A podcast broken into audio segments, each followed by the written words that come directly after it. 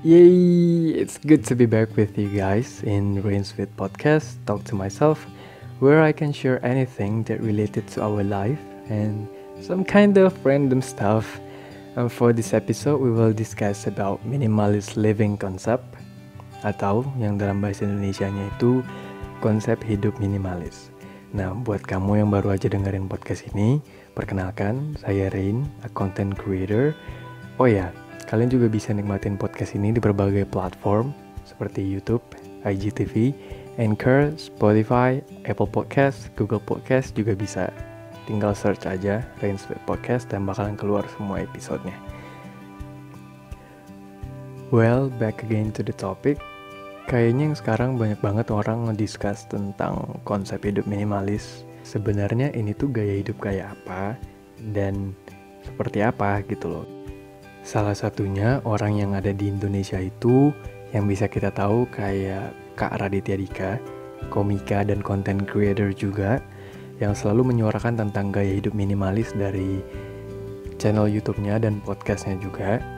Terus dari luar negeri itu ada The Minimalism, jadi kumpulan orang-orang yang ideologinya udah gaya hidup minimalis dan satu lagi ada video yang sering aku tonton juga itu dari Matt di Avella. I sorry if I'm mispronounce, tapi mungkin kayak gitu cara pronunciationnya.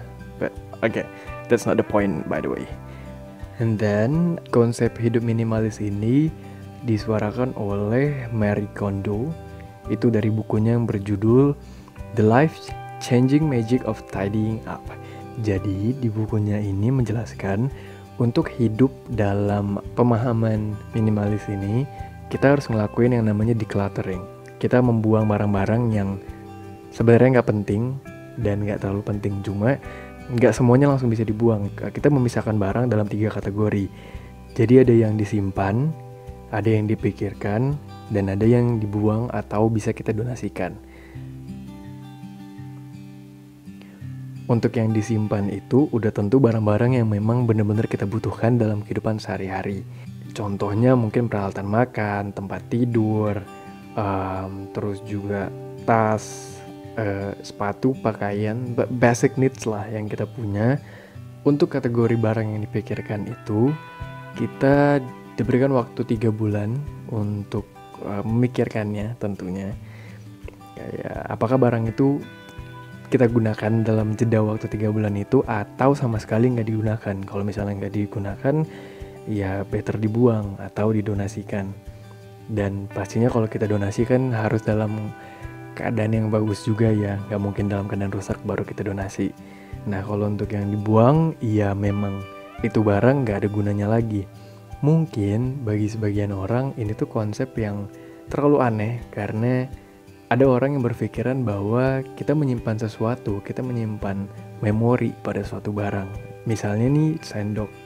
Terus si sendok itu kita punya memori dari sendok itu mungkin itu sendok masa kita kecil atau sendok itu pemberian pacarnya waktu kecil mungkin tidak kira disimpan sampai sekarang terus dia juga uh, nyimpan barang-barang lain dan dia menganggap semuanya tuh punya arti ya kenapa harus dibuang gitu but somehow kalau misalnya kita terlalu banyak nyimpan barang juga terlalu sempit tempat yang ada untuk kita tinggal. On the other hand konsep minimalis ini mengajarkan kita bahwa kebahagiaan itu nggak selamanya bergantung pada barang atau benda. Dan bisa jadi ini berkebalikan dengan um, konsep hidup orang-orang juga yang berpikiran bahwa kesuksesan itu ataupun iya dia bisa dilihat sebagai seorang yang punya jika dia memiliki segala hal terutama dalam hal materi. Ya mungkin dia punya banyak mobil mungkin dia punya banyak barang-barang koleksi atau anything yang mungkin mereka anggap itu sesuatu yang sangat penting padahal sebenarnya Eh, nggak uh, ada nilainya. Lanjut lagi konsep hidup minimalis ini tuh bisa kita terapin dalam kehidupan sehari-hari jadi kita bukan jadi orang yang terlalu konsumtif untuk selalu membeli sesuatu selalu menganggap kayak oke okay, harus beli ini harus beli itu. Hanya gara-gara mood kamu yang sedang lagi happy akhirnya beli barang atau mungkin gara-gara mood kamu lagi jelek jadi pelariannya harus belanja. Dan itu kan kayak jadinya impulsif gitu ya.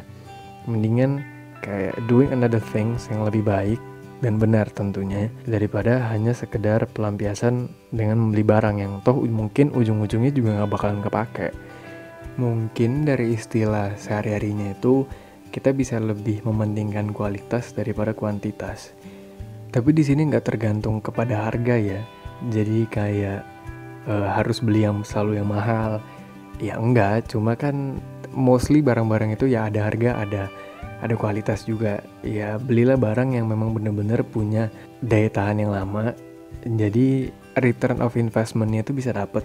Terus juga nggak perlu ketika ada tren apa tren ini dan tren apa kita semuanya harus mengikuti dan kayak beli ini beli itu. Somehow kita bisa ngelakuin yang namanya DIY kita juga bisa minjem mungkin. Karena kan sekarang udah ada aplikasi buat minjem ya.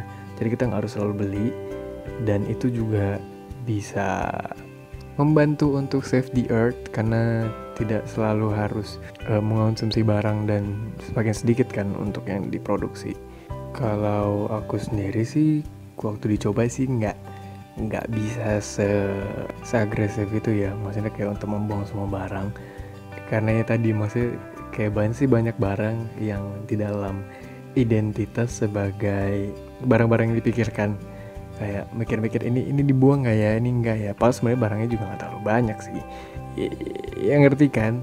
Nah terus akhirnya uh, mulai sih mulai decluttering decluttering lagi. Dan ini udah mulai dilakuin dari pertengahan tahun lalu. Dan sekarang akhirnya makin sedikit barang-barang yang ada di sini. Ya baru sekarang aja sih punya kesepakatan untuk membagikannya di podcast ini. So itu dia ceritaku untuk hidup minimalis dan gimana dengan kamu? Boleh share di kolom komentar di bawah ya. Thank you. Goodbye.